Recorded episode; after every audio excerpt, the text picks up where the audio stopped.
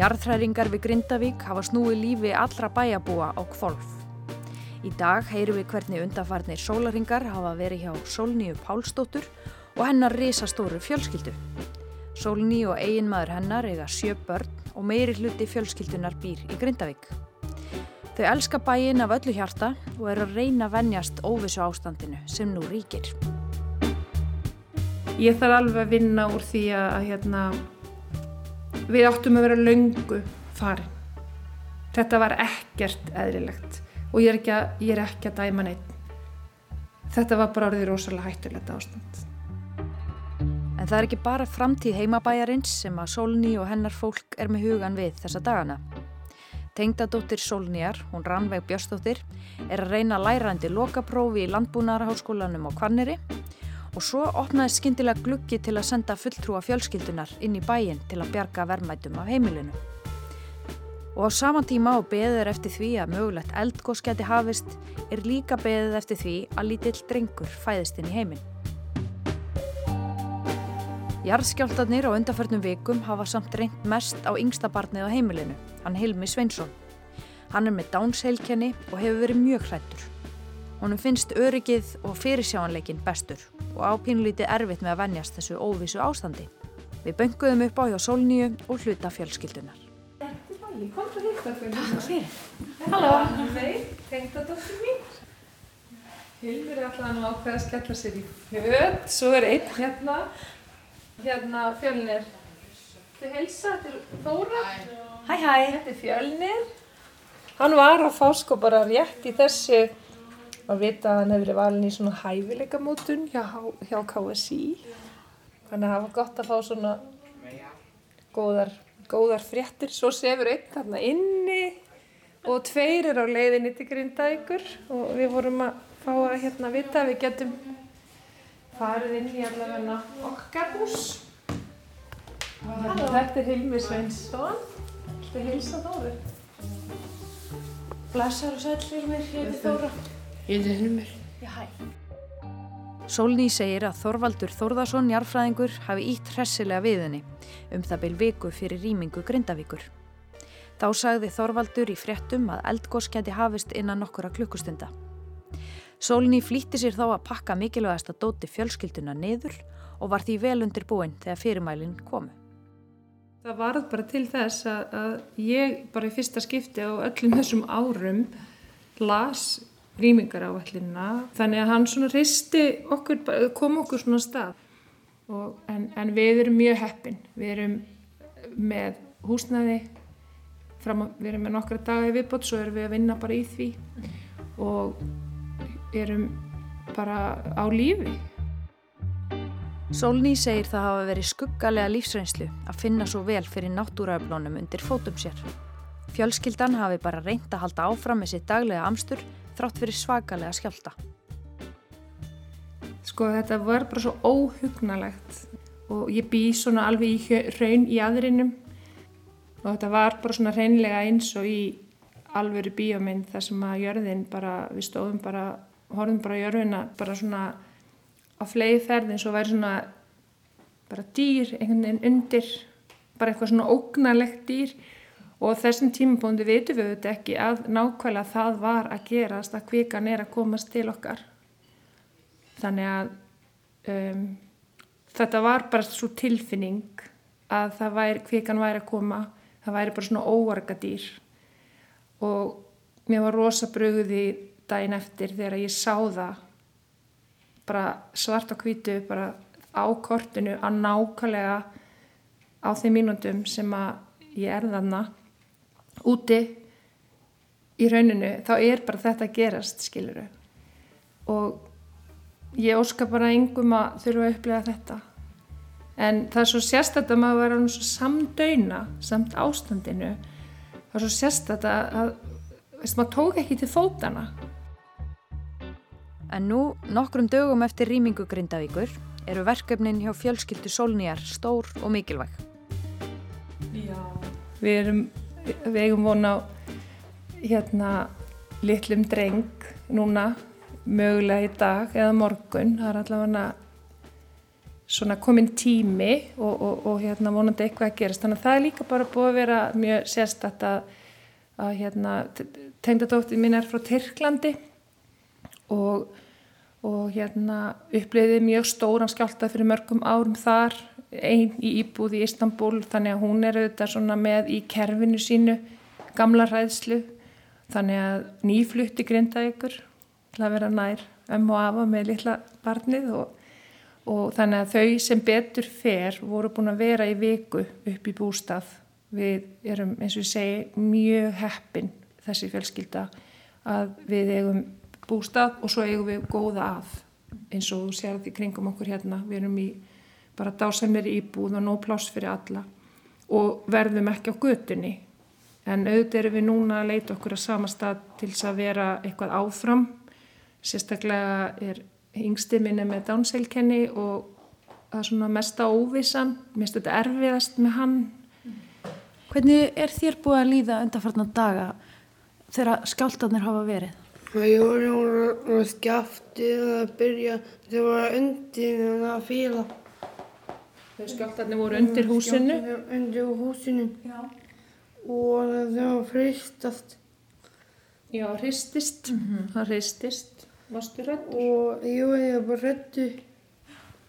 Já, en svo veit hann að nú erum við komin hingað og það er engi skjáltar. Mm, mm. Og hvernig líður það núna? Bara vel. Hann er komin í öryggi. Þetta var bara svo mikið áfall að við erum eiginlega rétt að komast út úr dóðanum. Við, hérna, uh, ég er bara þarf að fara vinni því núna eftir að skoða skólamálinn og svo er bara aðalatrið að litla barnabarni mitt komist bara í heiminn og, og þau fái frið og ró til að hlúa drengnum sko þannig að í rauninni er það forgangurinn hjá okkur núna. Rannveig Björnsdóttir, tengdadóttir Solnýjar situr hjá okkur við eldursporðið og hún er líka með nóa sinni könnu.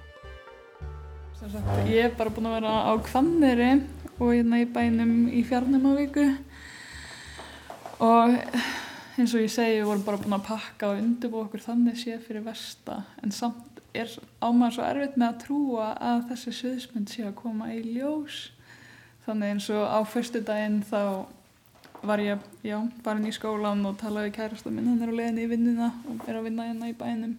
Og ég segi svona, æg, ef þú nennir ertu þá til ég að taka hérna tölvugræður fyrir mig sem er svo mikilvægt fyrir skólan en ég var samt bara svona, ef þú nennir að því að maður á svo erfitt með að trú þessu að það gæti gerst.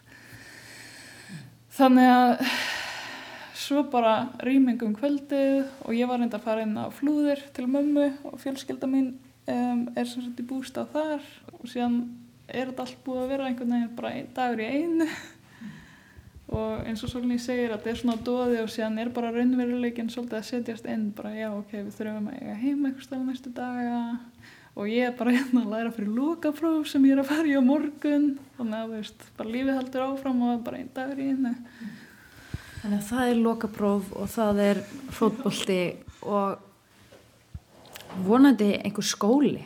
Jú, ég var að leika á skjákona. Ertu búin að leika við strákana? Já, Já. Hann, hann langar til þess að fara að hitta vini sína. Mm. Þetta er hérna mesta óvissan fyrir hann. Og, og, hérna, og ég veit að hvernig sem allt fer þá, þá eigum við all eftir að byggja upp líf, hvort sem það verður í Grindavík eða annar staðar. En, en það svona er, já ég viðkynna alveg að það er svona ekstra mikil kvíði í mér við, með Hilmi vegna þess að sko lí, hann er 12 ára og eins og við segjum með þetta dánselginni og hann á bara svo fallegt lífi Grindavík. Veist, hann hefur fengið tækifæri til að blómstra í öllu sem hann að gera, hann spilar fótbolta, hann spilar körfubólta, hann er á svo marga vini og veist, Grindavík er bara fjölskyldan hans. Og hann er svo örgur og, og þannig að ég þarf bara að passa mig að fara ekki inn í framtíðina, veist, ég þarf bara að vera hér og nú, ég þarf að finna út þessu. Bara ég er, er fyrst núna eins og ég sé að komast til meðvitundar þetta er bara búið að vera að svona eins og ég held ég hafa öllum grindvikingum bara síðan á först einn svona að lifa af einhvern veginn, sko bara koma fólkinu sín í örutt skjól, þú veist, hafa þakka yfir höfuðið og halda veist, við fullandu fólki þurfum alltaf að halda ró en ég er fætt á uppalinn. Ég held að sé, sko ég fættist í Grindavík hjá Rósuljósu það, ég held þú finnir ekki meiri Grindviking en mig. Og það er vissulega þú veist sérstök tilfinninga þetta er svo mikil útivistaparadís þú veist þetta er bara fjaran og, og sjórin og, og hérna einhvern veginn náttúran. Þannig að svona skrítin rannveg, við erum svona útvistakonur mm. að skrítin núna að hugsa til þess að allir í dásanlegur staðinir okkar. Þú veist þetta er bara allt svo órænverlegt þú veist ég veit maður getur fólk veist það verður allt gott. En þú veist grindaði ekki er bara svona svo mikill hjarta staður hjá okkur öllum og, og þessi tilfinning að keira út úr bænum á förstæðin með tróðfullan bíl. Var með, þú veist, hrættan hund og og endislega fallaða drengi minn sem var náttúrulega bara mjög hrættur og, og, og svona þannig að þú veist einhvern veginn þetta var eins og maður væri bara í svona einhverju, einhverjum óraunuleika á suðustrandavegurinn bara bíl við bíl veist, þetta var bara svo óraunverulegt að fara út á heimilinu sínu og vita ekki hvort maður kemur aftur. Það er mjög skritin tilfinning. Sólný segir að þegar hún líti í baksíni speilin þá átt hún sig á því að ástandi í Grindavík hafi verið miklu hættulegra en fólk gætt ímynda sér. Ég finn samt svona, eða ég ber rosa verðingu fyrir vísindamennunum og öllu þessu fólki. Ég þarf alveg að vinna úr því að, að hérna, við áttum að vera laungu farin þetta var ekkert eðlilegt og ég er ekki að, er ekki að dæma neitt þegar maður fer yfir atbyrðar á sinna og við bara allar læra og, og svona þannig ég þarf finna alveg að ég svona veist, ég held að ef að viðir hefði staðið fyrir utan húsi mitt klukkan 6 á förstu degi þá hefði hann sett á rýmingu. Og, og ég vil ekki segja þetta í einhverju kergi eða reyði en þú veist þetta var bara orðið rosalega hættulegt ástand. En við að sjálfsögðu bara vinnum úr þessu og þetta fór allt vel. Rannvið tekur undir að þakklæti sé þeim efst í huga eftir það sem á undan hefur gengið en áhyggjurnar séu samt margar. Það myndla bara svona að við getum kannski bara aldrei kalla Grindavík heimil okkar aftur. Það er alveg, maður er að reyna ekki að hugsa alveg um það allra versta en þegar þetta kemur upp í hugan þá bara finnum maður strax fyrir sorginni og ég, já, þegar vorum að horfa fréttir í gær þá kom akkurat svolítið svona raunveruleiki og ég bara brakst alveg í gráð og var einhvern veginn ekki búin að fara í sorgina einhvern veginn, bara get ekki farið heim. Og bara þessi óvisa endalisa óvisa að vera að býða er að fara að gjósa veist, eins og ég segi, maður er bara ein, í dag einu og þetta er það sem maður að hugsa um þegar maður fyrir að sofa og það er fyrsta sem maður hugsa um að mótnána þannig en eins og ég segði maður er bara einhvern veginn að reyna að halda áfram að lifa lífinu veist, við erum öll með einhver hlutverk og í vinnum og þannig já. Það skiptaði bara samfélagið okkar. Þannig að ólustu upp og við bara við hefum svo oft, ég hef stundum okkur að tala um eitthvað að flytja í bæin og síðan þetta er bara heima. Maður vill bara einhvern veginn, maður vill náttúrulega bara geta verið heima hjá sér með fólkinu sínu, öll fjölskylda mín á heima og við vorum nýlega búin að kaupa íbúð og koma okkur fyrir þannig að okkur liður bara vel á það, mann langar bara að vera heima hjá sér. Tilugsunin kannski um það að ég sé ekki að fara að vera með stórfjölskyldinu minni sem er, eru grindvikingar, þú veist að það kannski sé aldrei aftur að koma það líf til okkar og sérstaklega fyrir Hilmi sko samfélagið í Grindavík er bara búið að halda svo utanum hann það er eitthvað svona bara rosa sorg í mér og það er svo sannlega átt við Hilmi frelsið og, og, og ástæðin fyrir því hvað hann er sjálfstæður og sterkur og duglegur það er bara grindvikingum að þakka Þetta var helst hjá okkur í dag.